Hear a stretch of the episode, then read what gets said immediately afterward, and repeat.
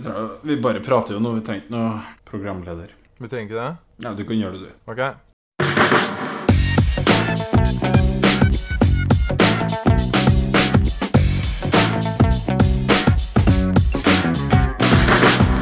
Du hører på Psykologlunsj, populærvitenskapelig lunsjprat med psykologene Tommy, Jonas og Jan Ole.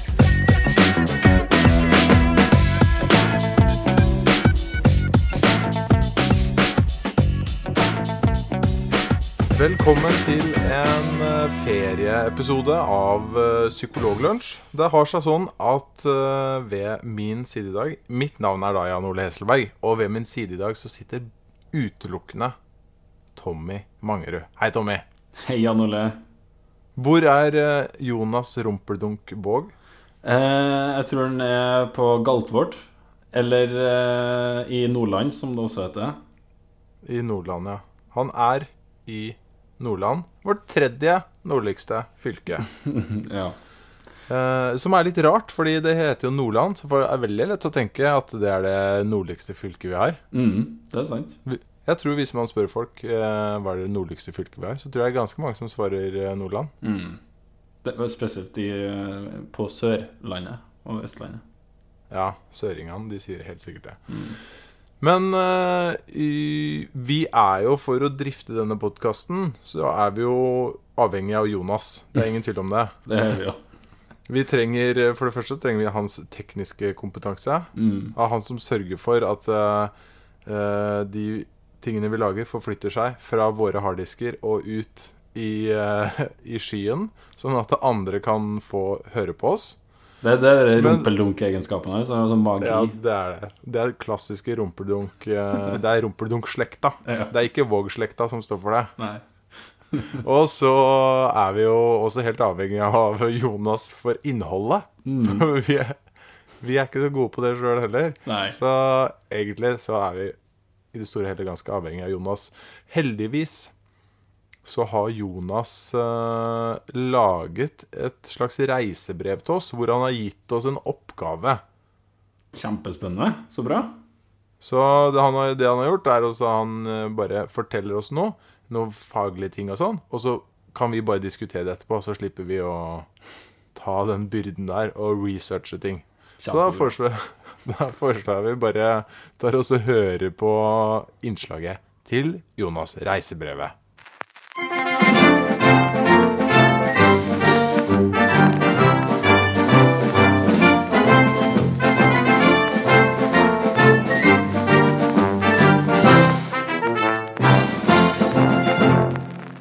Hallo, Tommy og Jan Ole.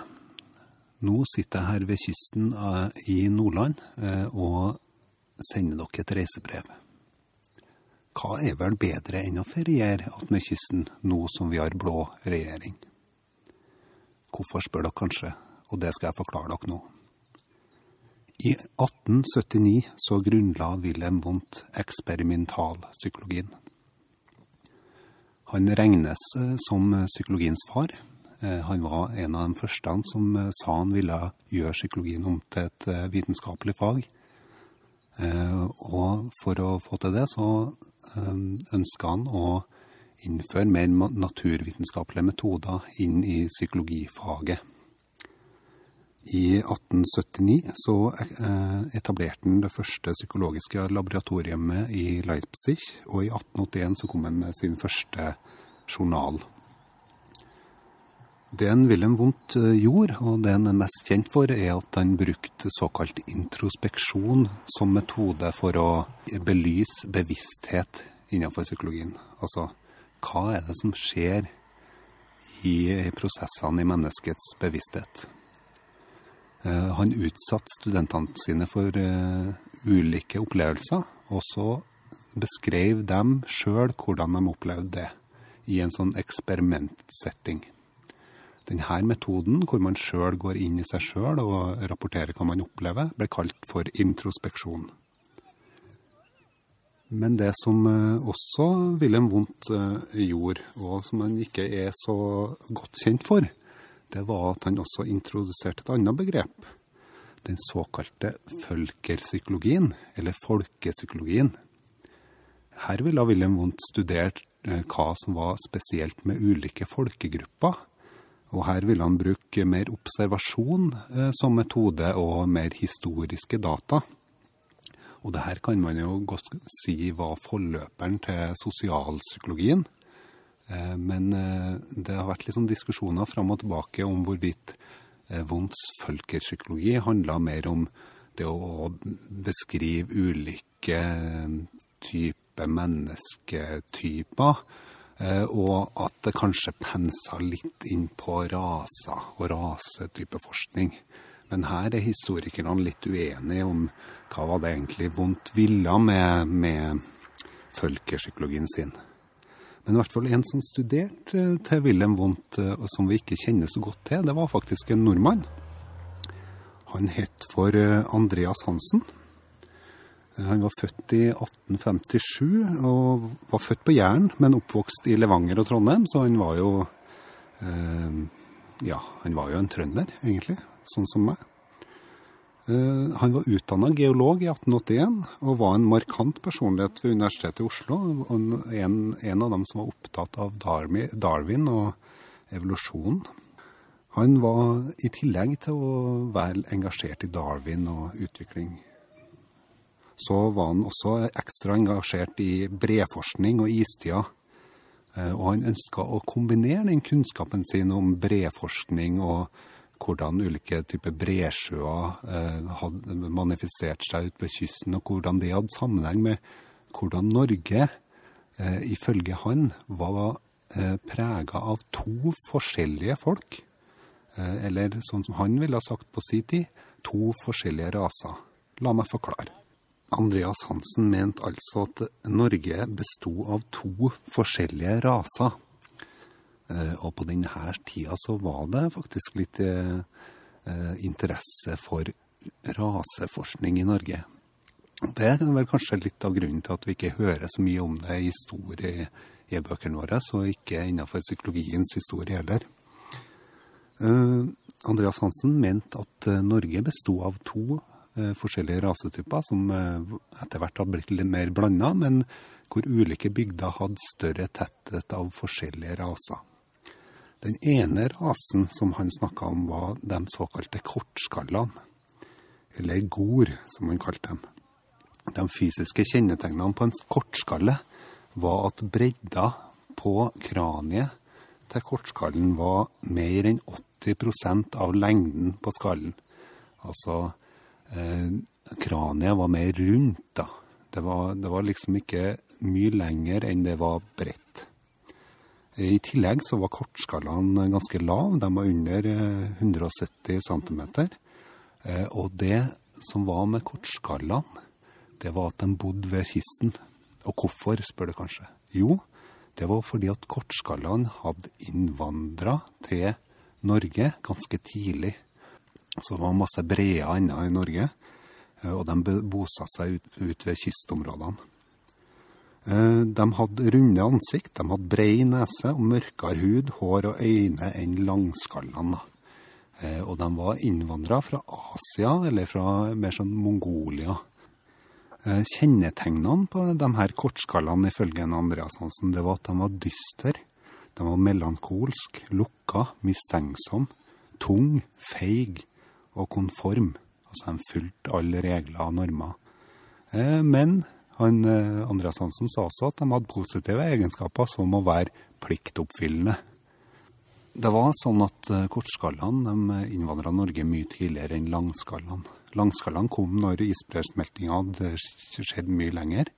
Da hadde allerede kortskallene begynt å, å, bosette seg lenger innover i landet også. Men da kom de såkalte da, langskallene, de som var hadde en, en, mindre bredde på kraniet sitt og en større lengde, altså at de hadde lenger Kraniet deres var lenger enn det var bredt. De kom liksom riende inn, eller de kom kanskje ikke riende inn, men de, de kom inn til landet, og så jaga de kortskallene ut til kysten. Og de her langskallene var lys i håret, de var lys i huden, og øynene deres var blå. Og de var høye, de var over 172 cm.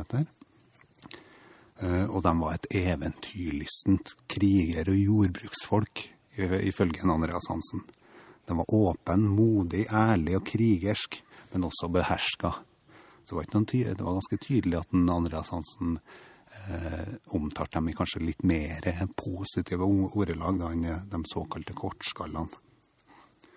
Eh, det han Andreas Hansen, eh, Grunnen til at jeg kom inn på det med eh, partivalg, var at Andreas Hansen i boka si 'Norsk folkepsykologi' i 1899 eh, presenterer to kart.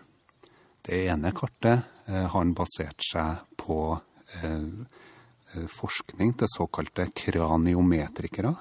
Og det var militærleger som på sesjon målte kraniet til folk før de skulle eh, immatrikuleres til militæret, eller eh, inn, altså før de skulle inn i militærtjenesten.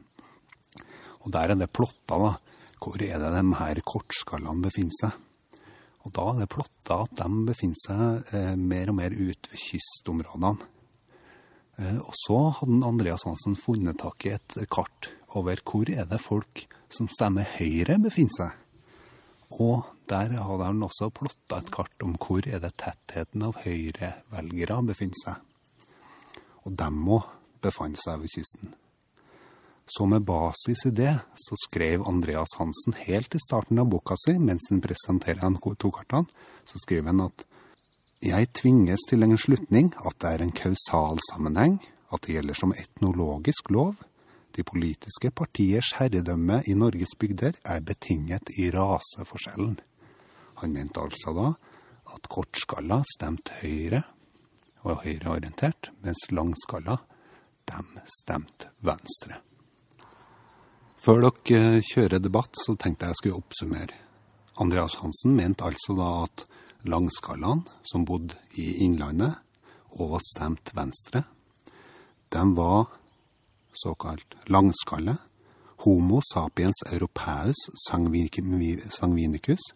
De var hvit, sangvinsk, kraftig, blondt hår, brå øyne, skarpsindig, foretaksom, bruker trange klær og styres av lover den såkalte kortskallen, Homo sapiens asiaticus melancolicus. De bodde ved kysten, de stemte Høyre. De var melankolsk, tung, mørkt hår, mørke øyne, streng, selvgod, havesyk, brukt vide klær og styrt, var styrt av folkemeninga. Ja. Jeg skulle ha likt å sitte og diskutert det her med dere, for jeg vet jo ganske greit hvordan, dere vil reagere på det. Eh, Men det her er altså reisebrevet fra Jonas, eh, og her er den boka jeg har eh, da sittet og lest den første dagen jeg var på ferie. Eh, Så lykke til med debatten. Ha det bra.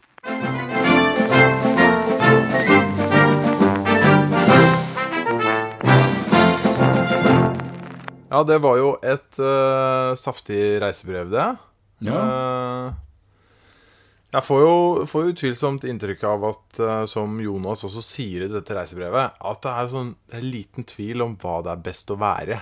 Ja, det er sant. Eh, Jeg tror faktisk at eh, han hadde eh, Om det var han som gjorde det, eller om han hadde med å komme med noen sånne eksempler på hva som var sånn de typiske Typiske eh, langskallene. da Det var litt sånn Fridtjof Nansen og og Olav Tryggvason og litt sånne. sånne da. Ja. Fridtjof Nansen, Olav Tryggvason og typiske kortskallene, det er han som sitter på hjørnet. Eh, han som lukter litt fælt og sånn. Ja. Ja. Det, det er sant. Men, eh, men det, som sånn, det som er litt interessant med det der, da det er jo sånn, fordi Jeg vet ikke om jeg, jeg tror ikke jeg husker at vi har hørt noe om Andreas Hansen på, i psykologiens historie. Nei, det kan ikke jeg huske. Nei, men, men det belyser litt, for Wilhelm Wundt har vi jo hørt om, som eh, Jonas refererer til som kanskje den første eksperimentelle eh, psykologen. da. Eh, Men det er litt sånn interessant det der med hvordan, hvordan psykologien da har prøvd å, å eh, karre til seg en plass i vitenskapen. Eh, For at det er jo noe litt sånn Det er jo litt sånn på grensen til å prøve å, prøve å finne ut av noe Prøve å gjøre noe litt sånn vitenskapelig her, da. Som Andreas Ja. Hansen holder på med. Sjøl om eh, Får litt sånn inntrykk av at han liksom har kikka på noen sånne kart, da. Over hvor det befant seg kortskala og langskala, og så så han tilfeldigvis et sånt kart hvor, eh, hvor folk stemte høyre og venstre, og så bare De så mistenkelig like ut. Så jeg lager en jeg, jeg, jeg drar en konklusjon av det, og så bygger jeg opp en teori rundt det etterpå. Ja, og så, eh, så syns jeg det er så fint eh, måten det litt sånn Han blander forskjellige eh, karakteristika på. Altså du har eh, bredden på kraniet mer enn 80 av lengden på skallen. Mm. Og så må det være under 170 cm. Mm. Eh, og så slenger den på litt sånn bred nese. Eh, slenger den på. Ja. Det er ikke sånn, ikke sånn veldig sånn hårfine karakter... Altså måle eh, det, er ikke, det er ikke lett å kategorisere dette her, da. Nei. Man kan jo lure litt på hvordan han fant ut det med 80% og 170. Og liksom bare mm, Ja, tenker, tenker det høres bra ut, sånn omtrent der. og så har han slengt på Så har han slengt på en del sånne karakteristika som, øh, som åpenbart liksom kommer fra noen holdninger. Det er lett å anta det. At Ja. han hadde noen holdninger fra før av. Ja, det høres litt sånn ut. Men han, han var veldig og konform. Ja, men han var veldig nøye med å prøve, for liksom å slippe unna litt. Altså var han veldig nøye med å påpeke at han var tre fjerdedels kortskalle sjøl, skjønner du. Ja. Så, da, Ja, ja. Så, så det er liksom sånn at ikke noen skulle tenke at han eh, tenkte at noen av de her var mer overlegen enn den andre, da. Som Men hvordan eh, ender ja. man med å bli tre fjerdedels kortskalle? Nei, Det lurer jeg på. Har vel tatt med seg målbåndet da, og gått gjennom eh, foreldre og besteforeldre og måla sikkert Ja. og regna seg fram. Jeg vet ikke. Sikkert, ja. Mm. Ja, altså øh, Jeg synes også Opphavet syns jeg er kjempemorsomt. At han tenker liksom Jeg må kombinere denne liksom, fascinasjonen min for psykologi og evolusjon Mm. med brevforskning. Ja. Det, det er veldig viktig for meg. For der ser jeg jo litt sånne tendenser. Hvordan Norge har blitt formet av disse breene. ja. Det må bety at uh, jeg kan kombinere dette til en ny slags vitenskap. Det har ikke skjedd så ofte siden at man har kombinert de to. Nei, ikke de to, men det er helt sikkert noen andre som har uh, gjort noe lignende. Mm. Um, og så tenkte jeg på en annen ting. Det var det her, ja, for det, det her med det, er jo en teori, eller en, en eh, Ja, en teori da, som er sånn vanskelig å, å falsifisere, da. Eller liksom Hvordan, hvordan kan man eh, Hvordan kan man vite om det her stemmer i virkeligheten? For det er som jeg sier, altså, han har jo bare eh, passa litt de her, eh, den teorien sin etter de her dataene, tror jeg. da. Og det som var litt sånn interessant, var at for at en får jo litt sånn en litt sånn små-MN-smak av noe litt sånn eh, rasistisk og litt sånn eugenikk-preg Ja. på det her, da. At enkelte folkeslag har sånn ulikt lynne, og, og noen er liksom født til å være treller, og noen er født til å være litt sånn krigere og, og overlegen, da. Eh. Og eh, det som er, her er en sånn interessant fun fact som jeg har funnet ut om Andreas Hansen. Da, det er at i 1943 så kom boka ut på nytt med et nytt forord. Jaha. Eh, for da ble den gitt ut på Det, på det norrøne forlag. Eh, og, og, hadde et eh, forord som bar preg av eh, den tilstanden verden befant seg i på den tida. Og der hylles Andreas Hansen som et geni. Som her har, ja, som, som her har liksom greid å finne eh, Med god vitenskap greid liksom å avdekke eh, ulike folkeslagtyper da, og, og deres eh, karakteristikker. Eh, men det som var litt interessant, da, for at sånn som, eh, sånn som eh, Jonas sier, så var det sånn at, at de her kortskallene stemte høyreorientert, og langskallene stemte venstreorientert. Men, sånn, eh, men det er en sånn liten sånn aber litt sånn uti det forordet der da, i 1943 var at uh, Det var én ting jeg hadde tatt litt feil av. da, Det var det at, uh, at det var jo omvendt. Uh, Ja. For det passa litt bedre med den historiske konteksten rundt den tida. da. Ja. Så bortsett fra det, så var alt helt greit. Det er liksom selve liksom hovedbudskapet til han.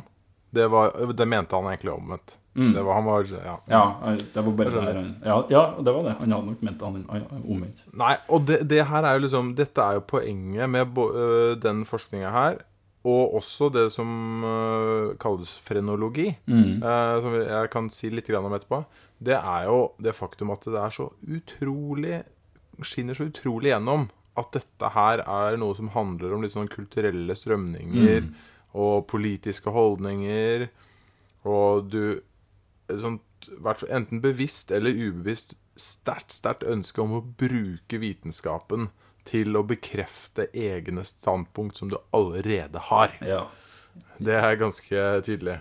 Dine egne personlige interesser har fascinerende tendens til å bli bekrefta i den type forskninger. Helt klart. Jeg liker veldig godt at han eh, også uh, sier at de går i to forskjellige typer klær. Ja, For det, det er jo ikke Det er ikke hvis eh, For det her er jo kortskallene går i uh, I vide klær.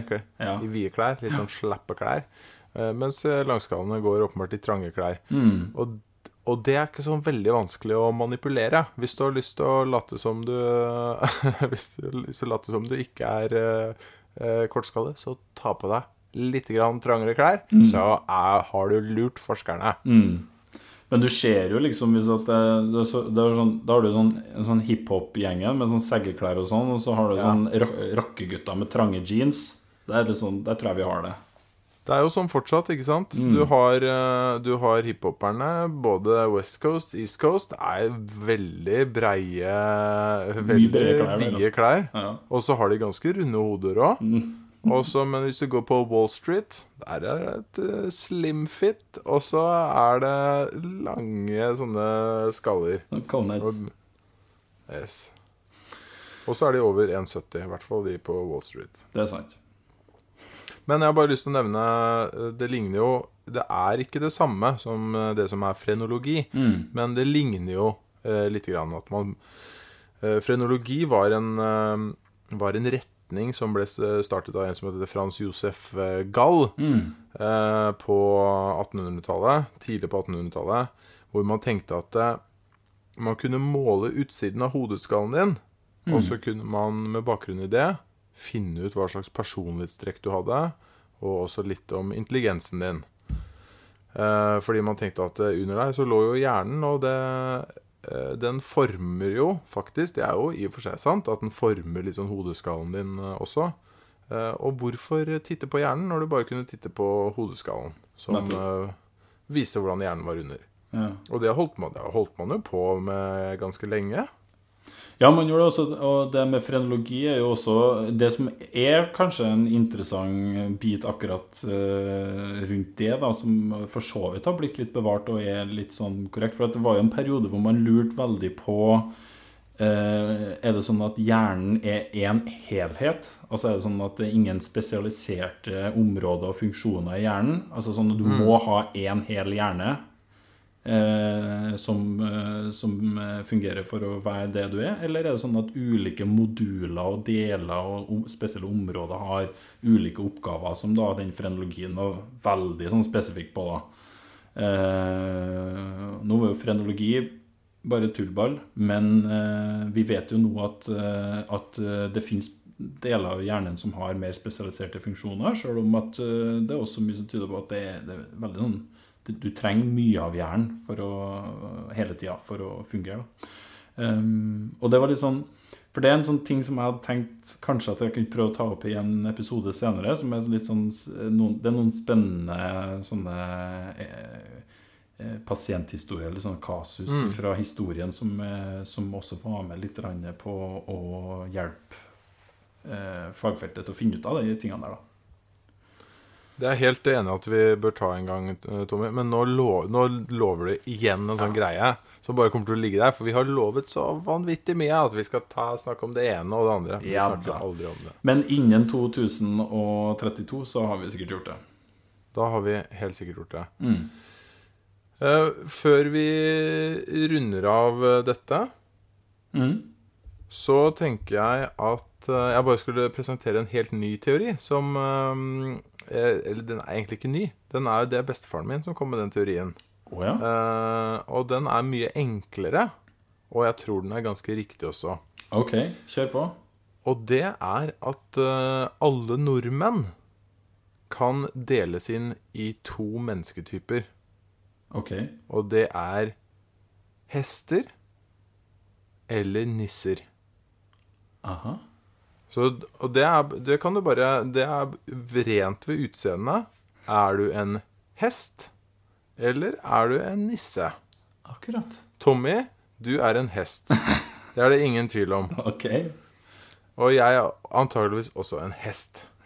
Jeg er en hest. Hva er Jonas, da? Eh, Jonas må være nisse. jo, ja, ikke sant? Jonas er nisse. Og det er det som er så fint med det her. For det er sjeldent at man blir uenige. Det er veldig, veldig morsomt. Er, og, og, så det er veldig sjelden at man blir uenige. Så prøv det. Eh, Hest eller nisse. Jonas, helt klart. Helt klart eh, nisse. Ingen tvil om det.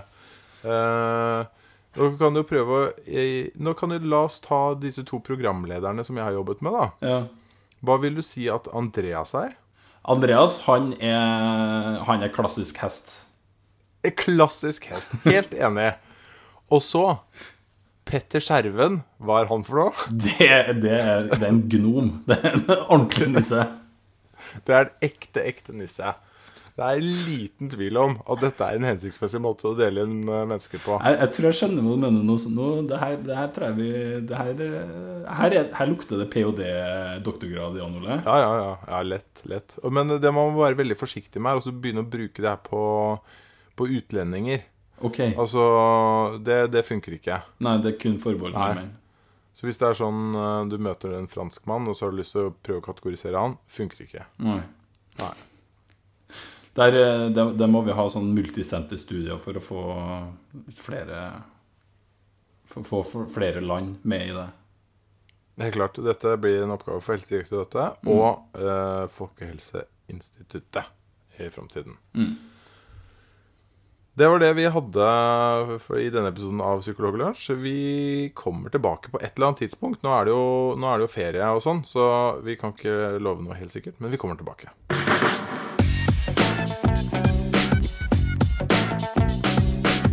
Du har nå lytta til Psykologlunsj. Har du noen spørsmål, kan du søke opp Psykologlunsj på Twitter, eller du kan sende en e-post til psykologlunsj alfakrøll gmail.com. Mer informasjon om temaet du har hørt i dag, finner du på psykologibloggen.no og tankesmed.no.